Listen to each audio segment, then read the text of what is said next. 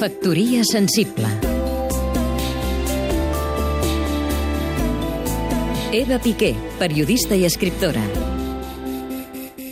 L'escriptor Eduard Márquez ha publicat 25 llibres al llarg de dues dècades. L'han traduït al castellà, el portuguès, l'alemany, l'italià, el turc i el romanès. Té 54 anys i se'l considera un dels millors autors en llengua catalana.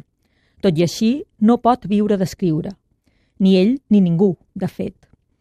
El panorama editorial està fumut a tot el món, i aquí encara més.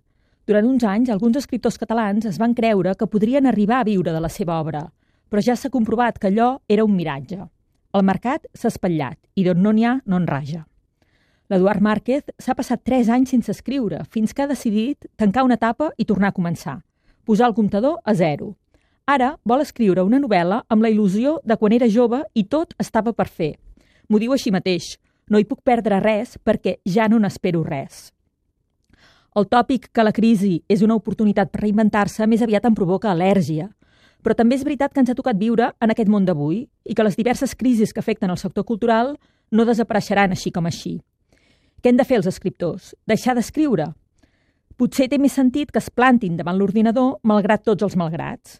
Perquè sí, el panorama és incert, però la literatura ha estat sempre una cursa de resistència. I això és així. Els que vivim ara i aquí només tenim l'ara i aquí per tractar d'escriure la millor novel·la de la nostra vida. Factoria sensible Seguim-nos també a catradio.cat